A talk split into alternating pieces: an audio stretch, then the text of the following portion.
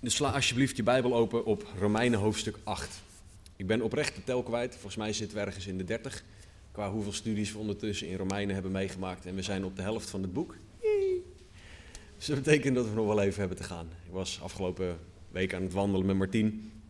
En die zei, ja, misschien zijn we nog wel een jaar bezig hiermee. Ik denk dat dat een beetje de termijn is waar we aan moeten denken. Dat het nog wel een jaar duurt voordat we door Romeinen heen zijn. Ehm, want vandaag gaan we wel geteld één vers doen. Is wat het is. We hebben in Romeinen 7 de, gezien, de vorige studies over Romeinen, wat de realiteit van het heiligingsproces is. En heiliging, om dat even terug te halen, is meer gaan lijken op Jezus. In woord en in daad. En Paulus heeft ons laten zien dat er een reële, echte worsteling is om als christen heilig te leven. Hij heeft ons laten zien dat die worsteling echt is. Hij zei dingen als: Ik weet wel wat goed is, maar ik doe het niet vanwege die strijd die er in mij is. En Paulus gebruikt dat nooit als een excuus van, nou ja, hè, dan kan ik maar doen wat ik wil. Want hij heeft eerder in Romeinen 6 al gezegd, zullen we dan maar zondigen? Waarop hij zei, het antwoord is nee. Maar hij haalt dit aan zodat we zien dat die worsteling echt is. Dat we er niet alleen in staan en vooral dat God ons tegemoet wil komen. We hebben het gehad over geestelijke strijd, we hebben het gehad over dat God ons wil verlossen. Wie zal mij verlossen? Jezus Christus is het antwoord. Maar hier eindigt het niet. Heiliging is niet alleen een worsteling, het is ook een glorieuze realiteit van Gods werk. Het is ook een prachtige blik op wie God is en wat God allemaal doet. En dat is waar Romeinen 8 over gaat.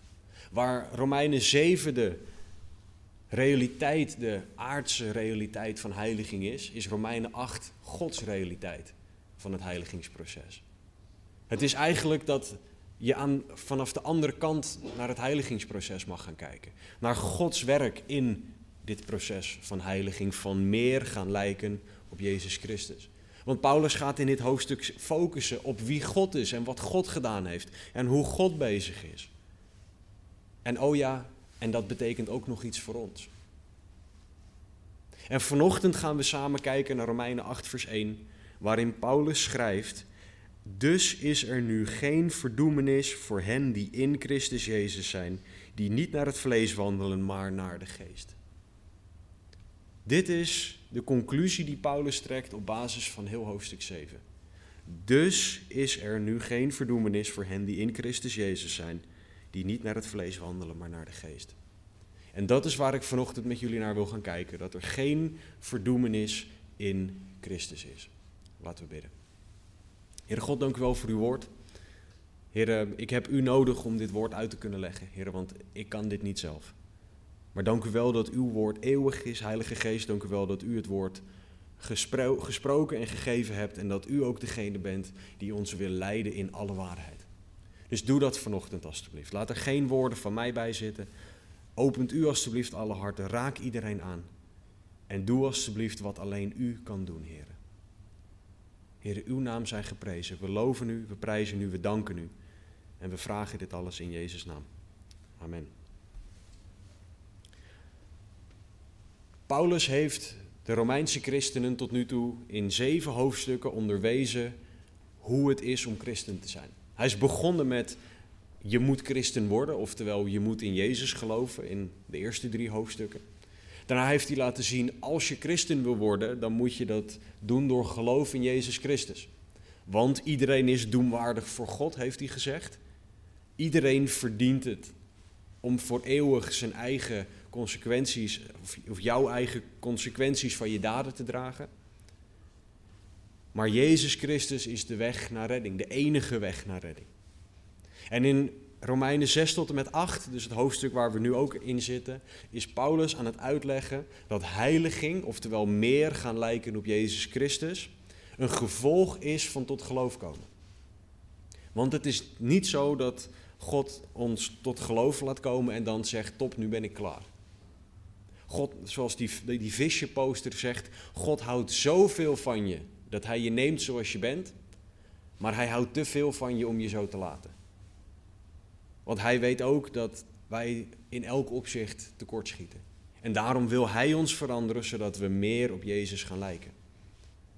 En in deze hoofdstukken wil Paulus dat wij zien wie God is en wat zijn werk is. Maar hij wil ook dat wij zien wie wij zijn en wat God in ons doet. Want we kunnen pas een juist zelfbeeld hebben als we een juist godsbeeld hebben. En daarom wil Paulus dat we inzien hoe hard we hem nodig hebben. Maar door het einde van Romeinen 7 kan het voelen alsof het christendom, het christen zijn iets is wat weinig reden tot blijheid geeft. Het spreekt over worstelen. Het spreekt over strijd. Het spreekt over wat ik wel wil, dat doe ik niet. En wat ik niet wil, dat doe ik wel. Bijna een soort schizofrene manier van handelen zie je in jezelf. En dat kan heel bijna hopeloos voelen. Je kan je misschien afvragen waarom zou ik de strijd aangaan als Paulus zegt dat ik het toch ga verliezen. Want ja, wat ik niet wil, dat doe ik toch. Moet ik dan nog wel de strijd aangaan? Paulus geeft ook aan dat het niet ophoudt, want Paulus was op dit moment van schrijven, was hij al jaren christen. Het kan zo hopeloos voelen.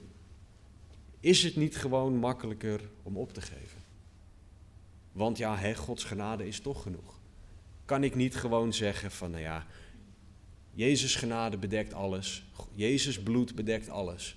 Dus ik geloof en daarna doe ik lekker waar ik zin in heb. Want de strijd aangaan om heilig te leven heeft toch geen zin. Met die gedachte kan je Romeinen hoofdstuk 7 eindigen. En daarom is de Romeinen hoofdstuk 8 vers 1. Omdat dit hoop geeft. Paulus zegt nogmaals, dus is er nu geen verdoemenis voor hen die in Christus Jezus zijn, die niet naar het vlees wandelen, maar naar de geest. Paulus komt net uit uitleggen wat de realiteit van heilig leven is. Die worsteling, die strijd, die geestelijke strijd. En toch zegt hij, er is geen verdoemenis in Christus. Ja, de strijd is er, maar er is ook daadwerkelijk geen verdoemenis in Christus. Wat dit zegt is dat door die strijd je je redding niet verliest. Dat God nog steeds van je houdt. Je voelt je misschien afgewezen. Je voelt je misschien verslagen. Je voelt je misschien niet geliefd. Je voelt je misschien niet goed genoeg. Maar er is nu geen verdoemenis voor hen die in Christus Jezus zijn. Dat is de Bijbelse realiteit waar Paulus, Paulus ons mee wil confronteren. Hij wil dat wij ons dit beseffen. Want dit is een belangrijk punt, want anders staat het niet in de Bijbel. Er staan geen onbelangrijke dingen in de Bijbel.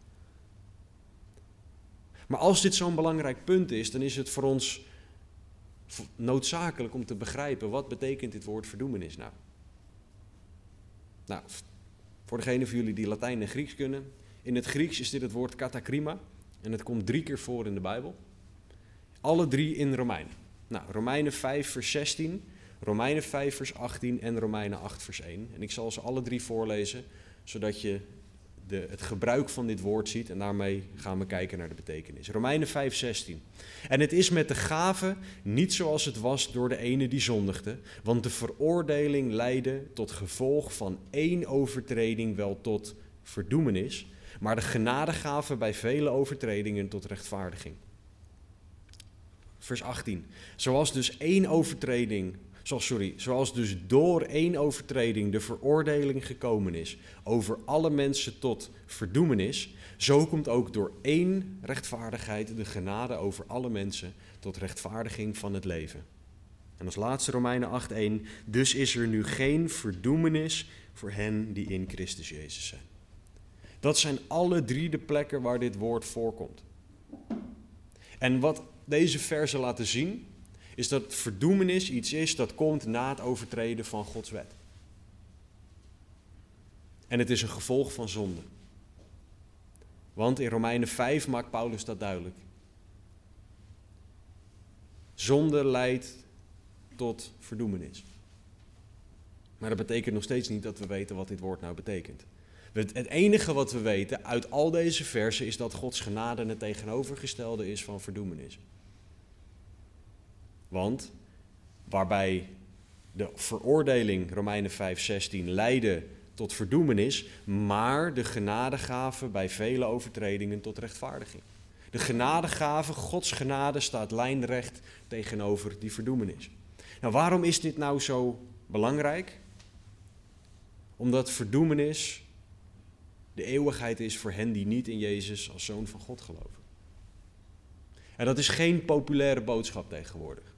Het is niet populair om te praten over de eeuwigheid die niet in Gods aanwezigheid in de hemel doorgebracht wordt. Er zijn zat kerken die niet meer praten over de hel. Die niet meer praten over verdoemenis. Terwijl niemand in het Nieuwe Testament vaker over de hel gesproken heeft dan Jezus. Dus als Jezus erover praat, dan is het belangrijk. Dan is het belangrijk voor ons om dit te weten. Verdoemenis is een eeuwigheid voor hen die niet in Jezus als zoon van God geloven. En we zeggen dan vaak gescheiden van God, dat klopt technisch gezien niet, want God is overal. Verdoemenis is een eeuwigheid doorbrengen waarbij jij de straf voor jouw zonde ontvangt. Omdat Jezus die straf voor jouw zonde, of omdat jij niet geaccepteerd hebt dat Jezus jouw straf gedragen heeft. Dus de, verdoemenis waar Paulus het hier over heeft, die er niet meer is voor hen die in Christus Jezus zijn, is een eeuwigheid waarbij jij zelf de consequenties van je daden draagt. Vandalen, dikke, Bijbel, dikke woordenboek, ik heb nog echt zo'n fysieke kopie thuis. Zeker met alle ehm, digitale middelen vind ik het toch fijn om af en toe een boek in mijn handen te hebben. Vandalen definieert verdoemenis als helse straf. Als een seculier boek als Vandalen het iets, zoiets definieert als helse straf, dan moeten we zeker ons realiseren dat Paulus hier niet zomaar een punt maakt in Romeinen 8, vers 1. Hij maakt een ongelooflijk belangrijk punt. Hij maakt het punt dat alleen voor degenen die in Christus Jezus zijn er geen verdoemenis is. Want zonder in Christus Jezus te zijn, zal jij met je eigen rechtvaardigheid voor God komen te staan. Jezus zegt het volgende daarover in Matthäus 25, 46. En deze zullen gaan in de eeuwige straf, maar de rechtvaardigen in het eeuwige leven. Dat is het verschil tussen wel verdoemenis en geen verdoemenis. Dat is het verschil waarmee Paulus ons wil confronteren. En nu klinkt het misschien heel raar wat ik, als vol, wat ik nu ga zeggen, maar Paulus maakt een heel hoopvol punt. Waarom is dit hoopvol? Nou, omdat er in Christus Jezus geen verdoemenis is. Door te weten wat het woord verdoemenis betekent, maakt het het eigenlijk nog veel groter als het er niet is. Als jij niet die eeuwigheid door hoeft te brengen waarbij jij je eigen straf moet dragen, hoe fantastisch is dat? Dat dat dus al voor jou gedaan is. Dat die straf dus al weg is. Want Jezus heeft namelijk de straf al gedragen. Jezus is voor onze zonde gestorven en opgestaan. Daarom hoeft geen mens naar de hel. Want we mogen allemaal in Jezus Christus geloven. Niemand hoeft er ooit heen. We kunnen allemaal voor Jezus Christus kiezen. Dit is een ongelooflijk hoopvol punt. Dit is ongelooflijk belangrijk voor ons als christenen. Want dit is wat ons een hoop moet geven die we kunnen delen met anderen. Dat is ook waarom Petrus in 1 Petrus 3:15 zegt: Heilig God de Heer in uw hart en wees altijd bereid tot verantwoording aan ieder die u rekenschap vraagt van de hoop die in u is met zachtmoedigheid en ontzag. Maar het gaat om de hoop die in ons christenen is. Die hoop is namelijk de zekerheid dat wij niet zelf die straf hoeven te ondergaan. Er is geen verdoemenis voor hen die in Christus Jezus zijn. Dit is zo ongelooflijk belangrijk. Dit is wat Jezus voor ons gedaan heeft in de notendop. En dit is wat wij ons als christenen moeten realiseren. Want op het moment dat wij als een soort Ior-christenen door het leven gaan, dat alles zwaar is en moeilijk en negatief en er is, je bent niet blij als christen en het is allemaal maar zwaar. hoe kan je dan rekenschap afleggen voor de hoop dat er geen verdoemenis in Christus is? Hoe kan jij blij zijn met het feit dat er geen verdoemenis voor jou is? Hoe kan jij mensen iets aanstekelijks geven als jij zo door het leven gaat en omdat het allemaal maar zo zwaar is? Dat is niet aanstekelijk. Dat is, mensen zullen niet geïnteresseerd zijn in dat geloof. Die zullen meer zoiets hebben van wat jij hebt, wil ik absoluut niet hebben. Er is geen verdoemenis voor hen die in Christus Jezus zijn. Dit hoort vreugde in ons hart naar voren te brengen. Maar tegelijkertijd weet ik ook dat wij soms twijfelen aan God.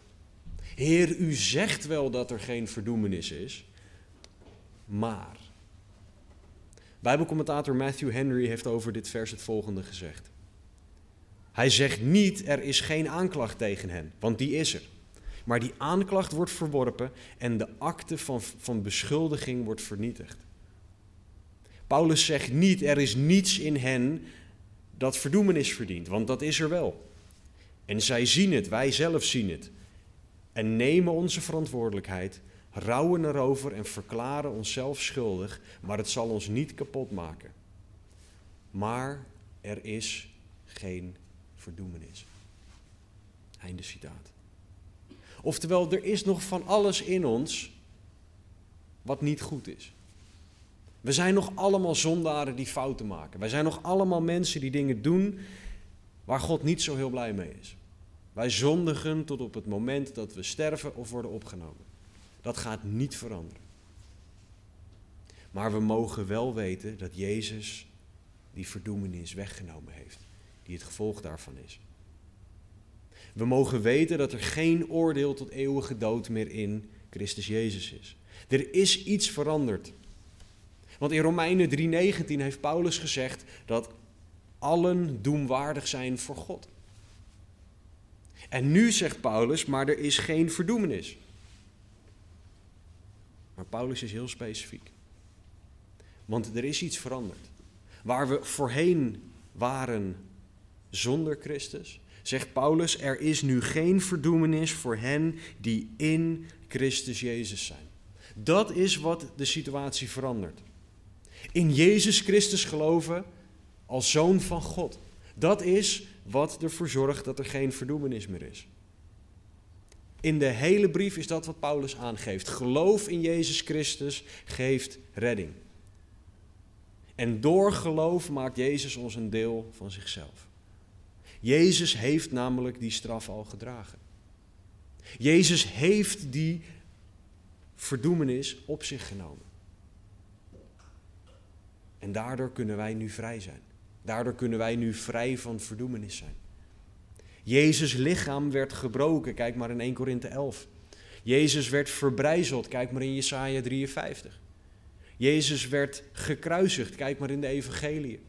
Voor jou en voor mij. Jezus werd met een zweep geslagen.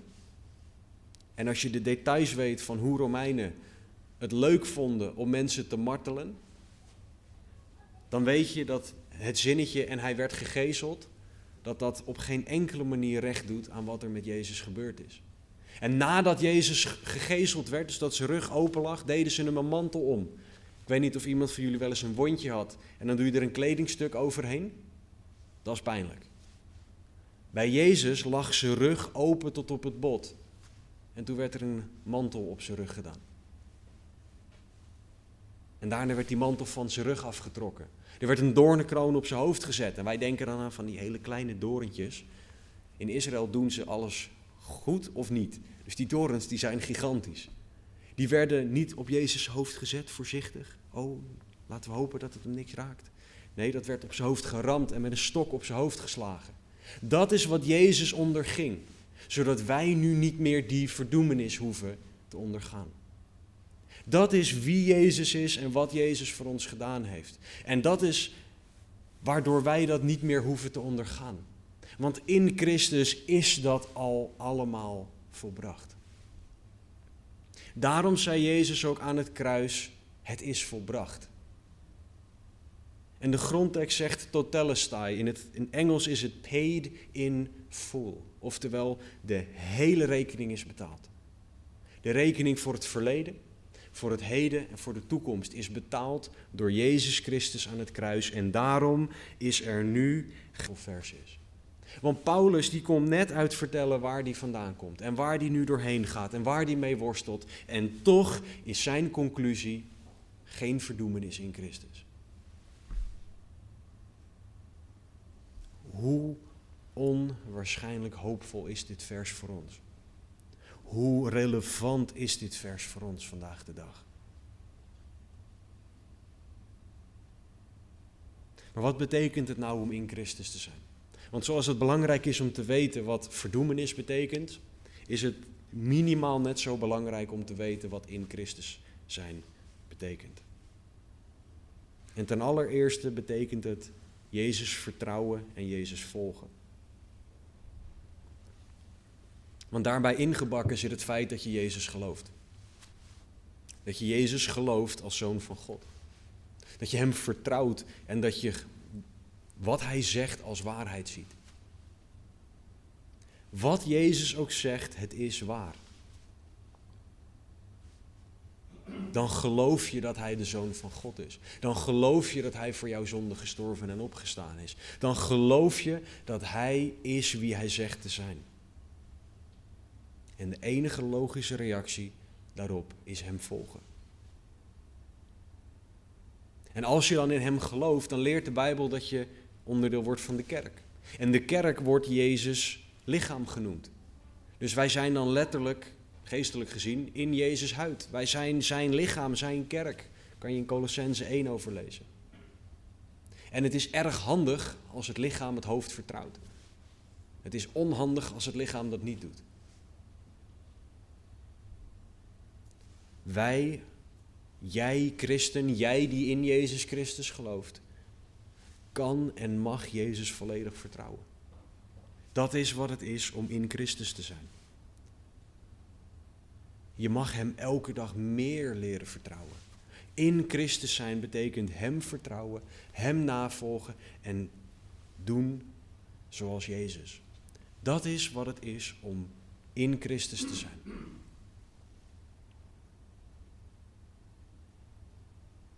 Maar het betekent ook, en wat deze klinkt misschien heel raar, maar dat je naar hem luistert.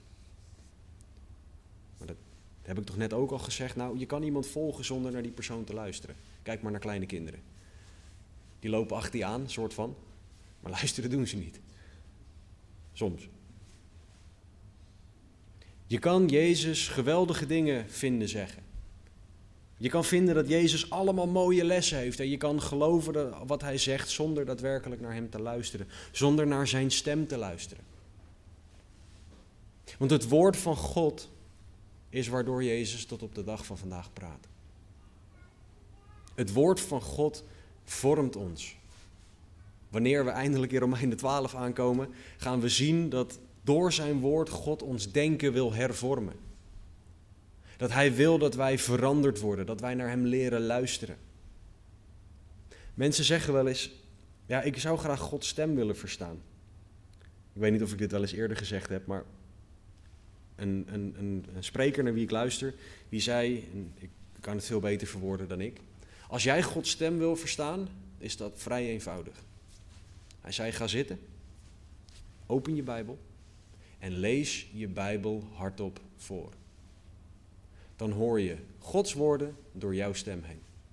Oftewel, Gods woorden, Gods stem. Wil jij Gods stem leren verstaan? Open je Bijbel, lees je Bijbel en als je het hardop doet, hoor je ook nog eens God door jouw stem spreken. We hebben het Nederlandse gezegd, ja, ik wil een briefje uit de hemel ontvangen. 1800 pagina's, een briefje uit de hemel. Aan de ene kant is dit grappig en aan de andere kant, tenminste ik vind het grappig, aan de andere kant is het ook een hele belangrijke realiteit die zichtbaar moet worden in ons leven. Dat wij leren luisteren naar Jezus. In Lucas 10 zien we het voorbeeld van Martha en Maria. Waarbij Martha Jezus aan het dienen was en druk was en aan het doen was en helemaal niks tegen dienen en druk zijn. Dat kan echt heel goed zijn. En Martha deed ook wat cultureel juist was. Zij zorgde voor het huishouden. Zij zorgde voor het eten. Dat was cultureel gezien precies wat zij moest doen. En haar zus Maria deed alles wat cultureel fout was. Zij ging namelijk aan de voeten van een rabbi zitten, een meester, een leraar. En ze ging zitten luisteren. Dat mocht niet. Want alleen mannen mochten dat. Er is geen bijbelse reden voor. Dat was nou eenmaal zo. En toch zegt Jezus dit over Maria. Jezus zegt in Lucas 10:42 slechts één ding is nodig. Maria heeft het goede deel uitgekozen dat niet van haar zal worden afgenomen. In Christus Jezus zijn is aan Jezus voeten zitten en luisteren naar zijn stem. In Christus Jezus zijn is lees je Bijbel, bid elke dag. In Christus Jezus zijn is samen met broeders en zusters door het woord heen gaan. Is een wandeling met een broeder of een zuster maken en het dan samen hebben over het woord van God. In Christus Jezus zijn is je gesprekken met mensen over het woord van God laten gaan. En dat is een keuze. Want net zoals dat wij het als Nederlanders geweldig over het weer kunnen hebben, kunnen wij er ook voor kiezen om het over de Bijbel te hebben. En kunnen wij ervoor kiezen om te luisteren naar de woorden die Jezus spreekt. Dus in Christus Jezus zijn is Jezus vertrouwen en volgen, is naar Jezus luisteren. En eentje die we vaak over het hoofd zien. Van Jezus genieten. Er is een hele bediening die heet desiringgod.org, of dat is eigenlijk hun website, Desiring God, het verlangen naar God. Die hele bediening is erop gericht om, zoals zij dat noemen, een christen-hedonist te zijn. Sorry Jonas. Wat erop neerkomt dat je geniet van God. En op een hele bijbelse manier. John Piper leidt die organisatie, is een hele bijbelgetrouwe man. Um, maar we mogen van God genieten. We mogen genieten van Jezus. En niet op een, op een vervelende manier, niet op een nare manier. Maar we, vergeten soms als christenen hoe goed we het hebben. We zijn vergeten dat christen zijn het allerbeste is dat ons kan overkomen. We zijn vergeten dat we als christenen geliefd zijn. Dat we een nieuwe familie krijgen, dat onze zonden zijn vergeven, dat we eeuwig leven hebben, dat we zo ongelooflijk veel dingen hebben wanneer we in Christus Jezus zijn. We kunnen vergeten hoe geweldig dit allemaal is. En Satan die wil heel graag, en ik zal het niet nog een keer doen, maar dat wij van die Ior-christenen worden. Van die zeurende, negatieve glas half leeg, of het glas bestaat zelfs niet, christenen. En dat is niet alleen slecht voor ons, maar het is ook een heel slecht getuigenis. Het is zo'n ongelooflijk slecht getuigenis als christenen vooraan staan om te zeuren. Het is zo'n ongelooflijk slecht getuigenis als wij niks hebben om dankbaar voor te zijn. Niks hebben om blij voor te zijn. En het is vooral ook heel onbijbels. Want Filippenzen 4:4 zegt: Verblijd u altijd in de Here. Ik zeg het opnieuw, verblijdt u. Onze vreugde zit in de Here, niet in onze omstandigheden. Onze vreugde zit in wie God is en wat God voor ons gedaan heeft. Niet in onze omstandigheden of wat wij voelen of vinden. Onze vreugde en onze blijdschap hoort daarin te zitten, namelijk in de Here. En dan kunnen wij, wanneer wij in Christus Jezus zijn, genieten. Hoe het ook met ons gaat. Of we nou fysiek genoeg hebben of niet. Of we nou die baan hebben die we willen hebben of niet. Of onze relaties nou zijn zoals we ze willen hebben of niet. Of we nou pijn en verdriet hebben, misschien door fysieke dingen. Het maakt niet uit. We kunnen ons altijd verblijden omdat er altijd iets is om te genieten, namelijk Jezus Christus. En dit is niet alleen een nieuwtestamentisch iets. In Jesaja 61:10 staat het volgende: Ik ben zeer vrolijk in de Heer. Mijn ziel verheugt zich in mijn God, want Hij heeft mij bekleed met de klederen van het heil. De mantel van de gerechtigheid heeft Hij mij omgedaan, zoals een bruidegom zich bekleedt met priesterlijk hoofdsieraad en een bruid zich tooit met haar sieraden. Oftewel, door onze redding in Christus Jezus, zegt Jesaja, ik ben zeer vrolijk in de Heer. Als christenen moeten we niet vergeten om ons te verheugen in de Heer, om te genieten van het feit dat we christenen zijn. Dit is namelijk hoe wij christen mogen zijn, genietend van wie God is. We zijn gezegend en we zijn geliefd en we mogen ons daarin verheugen. Dit is onder andere, want dit is een veel groter onderwerp, maar wat het betekent om in Christus Jezus te zijn. Je vertrouwt en volgt Jezus. Je luistert naar Jezus en je geniet van Jezus. Dat is onder andere wat dat is. En als je dat bent, als jij in Christus Jezus bent, als je daarin groeit, als jij begint met geloven in Jezus, dan is er geen verdoemenis voor hen die in Christus Jezus zijn. Ik weet niet of het je is opgevallen, maar tot nu toe ben ik in het eerste gedeelte van het vers blijven hangen. En ik ga het ook heel kort houden over het tweede gedeelte van het vers, want dat gedeelte is ontzettend problematisch. Het tweede gedeelte na de, tweede, uh, na de eerste komma, die niet naar het vlees wandelen, maar naar de geest, is zeer waarschijnlijk niet door Paulus geschreven. Het staat namelijk niet in de oudste manuscripten die we hebben. Dit is een problematisch gedeelte van dit vers. Iemand heeft dit, denken de commentatoren, toegevoegd. En dit is wel weer heel erg bijzonder, om Paulus te helpen en daarmee om God te helpen. Nou heeft God nooit hulp nodig en dit is een ding. Want theologisch gezien hebben we een reden om dit stuk niet op deze plek te hebben. Want dit lijkt erop dat er opeens een voorwaarde door God wordt toegevoegd aan het geen verdoemenis meer hebben. Dus is er nu geen verdoemenis voor hen die in Christus Jezus zijn, als jij, want dat is hoe het er dan staat, niet naar het vlees wandelt, maar naar de geest. Maar Paulus heeft net uitgelegd dat hij worstelt. En dat hij, dat valt. En dat hij dingen doet die hij niet wil doen en vice versa. Dus theologisch gezien kan dit stuk hier eigenlijk niet zomaar staan. Maar David Guzik kan dit beter uitleggen. En hij heeft het volgende gezegd. Hoewel het waar is dat zij die in Christus zijn niet zouden moeten wandelen naar het vlees en dat ook niet doen, oftewel niet structureel blijvend naar het vlees wandelen, maar naar de geest, is dit niet voorwaardelijk voor hun status van niet verdoemd zijn. Onze positie in Christus is de reden voor het statement van geen verdoemenis in Christus. Einde citaat. Dus ik ga het heel kort houden over dit tweede gedeelte. Ik ga het er niet over hebben. Doet dit iets met de betrouwbaarheid van het woord? Dat was de vraag die ik mezelf dan ging stellen. Nou, het antwoord is nee, omdat we de manuscripten hebben. Dus we weten wat er wel en niet in gestaan heeft. Waarom staat het hier dan? Dit is een keuze van de vertalers geweest. Die hebben een manuscript, een van de oude documenten gepakt en hebben dat vertaald.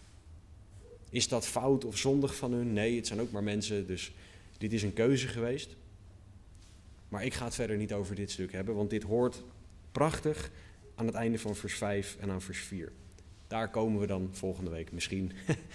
ik weet niet hoe snel we gaan, komen we daarop terug. Maar terugkomend op het eerste gedeelte van het vers, het hoopvolle, het prachtige, hetgene waar wij naar mogen leren leven. Dus is er nu geen verdoemenis voor hen die in Christus Jezus zijn. Wat betekent dit nou praktisch voor ons? En daarmee wil ik de studie vandaag afsluiten voordat we avondmaal gaan vieren. Het eerste is, christen, je bent vergeven als je in Jezus gelooft. Het klinkt misschien heel triviaal, heel iets wat je al je hele leven hoort misschien. Maar het is een eeuwige waarheid om op te staan. Nogmaals, de context is Paulus die net verteld heeft hoe hij worstelt. En hij zegt nu, ik ben vergeven als ik in Jezus geloof, als ik in Christus Jezus ben. Dat is een waarheid om op te staan. Dit is God die bemoedigt, die zijn liefde laat zien en die laat zien dat je vergeven bent en dat je zonden zijn weggewassen door het bloed van Jezus Christus, 1 Petrus 1, als jij in Jezus gelooft. Je bent vergeven. Tweede, hoe je dit praktisch kan maken, is dit is een voorbeeld van hoe met elkaar om te gaan. In Christus verdoemt God ons niet. Wie zijn wij om anderen te verdoemen? En voor de duidelijkheid, ik zeg hiermee niet dat we een boom niet moeten herkennen aan zijn vruchten. Oftewel, zonde is zonde. En dat mogen we bijbels blijven benoemen. Ik zeg hiermee niet dat we alles onder de mantel der liefde moeten schuiven. Want zonde is zonde. En zo bewoord en verwoordt God het ook. Maar God is uiteindelijk degene die bepaalt waar iemand heen gaat en hoe iemands eeuwigheid gaat. God is uiteindelijk degene die ook zegt, hij zegt ja, zonde is zonde. En tegelijkertijd wijst hij ons op zijn liefde. En die liefde waardoor er nu geen verdoemenis meer hoeft te zijn, is wat ons ook hoort te leiden als christenen voor onze omgang. Nogmaals, zonde moet benoemd worden. We moeten elkaar helpen, elkaars lasten dragen. We moeten al die dingen doen. Maar als er geen verdoemenis in Christus is, als Gods liefde zo groot is, laten wij dan ook Gods liefde regeren. Of willen wij iemand met een hele grote Bijbel, 1800 pagina's, zo als een soort baseball om zijn oren slaan? Of brengen we die persoon in liefde terug, waardoor er geen verdoemenis in Christus hoeft te zijn voor die persoon? Er zit zoveel liefde van God in Romeinen 8:1. Laten wij die liefde regeren, die duidelijke, harde liefde soms over zonde, of zijn wij alleen maar hard? Gods liefde moet ons drijven, moet ons sturen, moet ons leiden. En dat kan duidelijke taal opleveren, zoals we door het woord heen zien. Maar die liefde die moet regeren, want dat is hoe Jezus was. Jezus wil dat wij heilig leven. Dus nogmaals, ik zeg hier niet, we laten zonde gaan. Maar we mogen wel, we horen wel zijn liefde in en door alles heen te laten regeren. Dus wat betekent het praktisch? Je bent vergeven. Dit is hoe we met elkaar horen om te gaan. Dus we horen elkaar ook te vergeven en die liefde te laten regeren. En alsjeblieft, christen, hou vast aan dit vers. Dit is zo'n eeuwige waarheid. Hebreeën 13:8 zegt Jezus Christus is gisteren en heden dezelfde tot in eeuwigheid. Oftewel, dit verandert niet. Er is geen verdoemenis voor hen die in Christus Jezus zijn. Dat is en dat blijft waar. De vijand, Satan en zijn demonen willen jou doen twijfelen. Denken dat dit niet voor jou is. Ja, maar had God wel gedacht aan? En weet God wel dat? Ja, God weet het. Maar er is geen verdoemenis voor hen die in Christus Jezus zijn. Het maakt niet uit wat de vijand jou aanpraat. De enige voorwaarde is geloof in Jezus. En dan gaat God met je aan de slag. De wereld wil zeggen dat je dit niet nodig hebt, of dat dit overtrokken is, of dat dit belachelijk is, of dat dit raar is. God die niet liegen kan, God die altijd de waarheid spreekt, vindt dit belangrijk genoeg om in zijn, in zijn woord te zetten. Dus is het voor ons ook belangrijk. Dus is dit iets waar wij ons mee bezig moeten houden, waar wij over na moeten denken. Dit is iets voor ons wat onveranderlijk is, wat de wereld ook zegt. En je vlees wil dit niet, je zondige vleeselijke natuur, want als er geen verdoemenis in Christus is, betekent het ook dat jij je leven voor God gaat inzetten. En dat je vlees steeds minder wordt. En dat je geest, dat je meer gaat leven naar de geest van God. Dus het wordt ons niet per se makkelijk gemaakt door alle invloeden om ons heen, maar daarom horen wij vast te houden aan dit statement: er is geen verdoemenis voor hen die in Christus Jezus zijn. Het maakt niet uit wat er op je afkomt, maar als wat je hoort niet matcht met het woord van God, moet je het afwijzen. En het woord van God zegt dat er geen verdoemenis is voor hen die in Christus Jezus zijn. Dat is waarheid.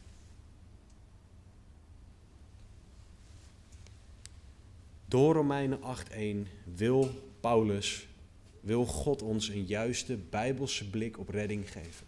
Hij wil dat we weten waar we van gered zijn, die verdoemenis, die eeuwigheid waarbij we onze eigen straf zouden moeten dragen. En hij wil dat die juiste blik gebaseerd is op nederige dankbaarheid, want Jezus heeft dit werk voor ons gedaan. Er is geen verdoemenis in Christus en dat is een waarheid om op te staan. Jezus is de belichaming van die waarheid. Want nogmaals, zijn lichaam werd gebroken voor jou en voor mij. Jezus werd verbrijzeld, zegt Jesaja 53 voor ons. Zijn bloed werd vergoten, 1 Petrus 1. Hij stierf jou en mijn dood, 2 Korinthe 5, 21. Dus alle straf die jij en ik verdienen voor al onze zonden, van het verleden, van het heden en de toekomst, is al gedragen in Christus. Maar hoe dankbaar ben jij hiervoor? Hoe dankbaar ben jij, bent u voor het feit dat Jezus de weg van het kruis ging? Staan we er nog bij stil? Of is avondmaal die ene zondag in de maand dat we dat doen als kerk, is dat die zondag met een andere indeling van de dienst? En wat matsen en druivensap? Of is dit een viering voor jou van dankbaarheid dat je niet meer verdoemd hoeft te zijn in Christus Jezus? Jezus ging de weg van onbeschrijfelijk lijden, zodat wij die weg niet hoeven te gaan. Vanochtend vieren we heilig avondmaal, waarbij we dus dankbaar zijn wat Jezus gedaan heeft.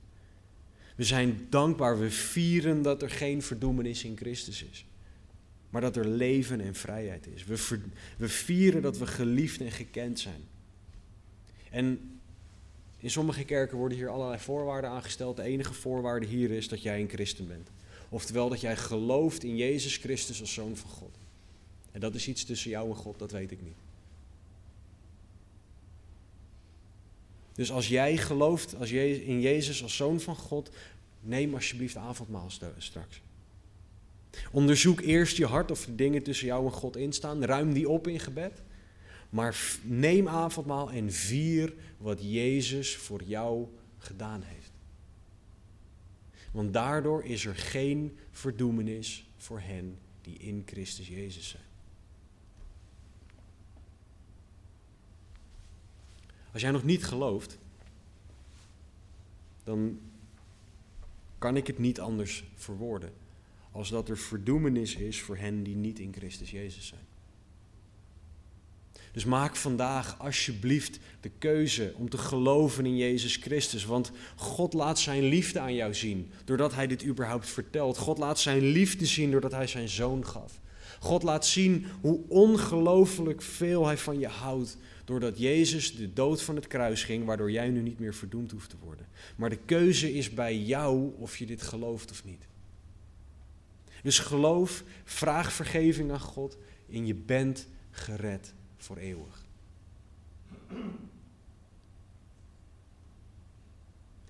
Christen, voor jou is dit feit, voor u is het feit dat er geen verdoemenis is voor hen die in Christus Jezus zijn. Maar leef jij daar ook naar? Leef jij met eeuwige hoop?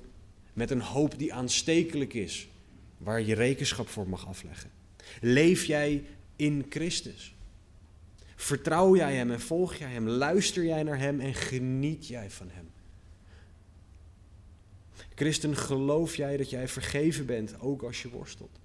Leef jij dit naar anderen en sta jij op eeuwige waarheid? Christen, leef jij dat er geen verdoemenis is voor hen die in Christus Jezus zijn?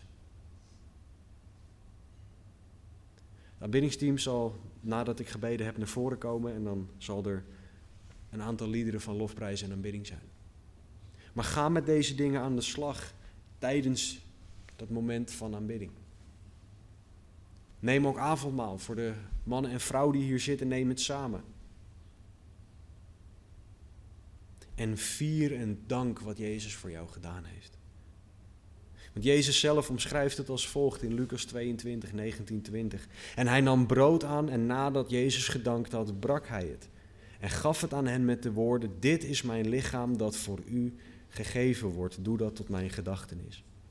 Evenzo nam hij ook de drinkbeker na het gebruiken van de maaltijd en zei: Deze drinkbeker is het Nieuwe Testament in mijn bloed dat voor u vergoten wordt.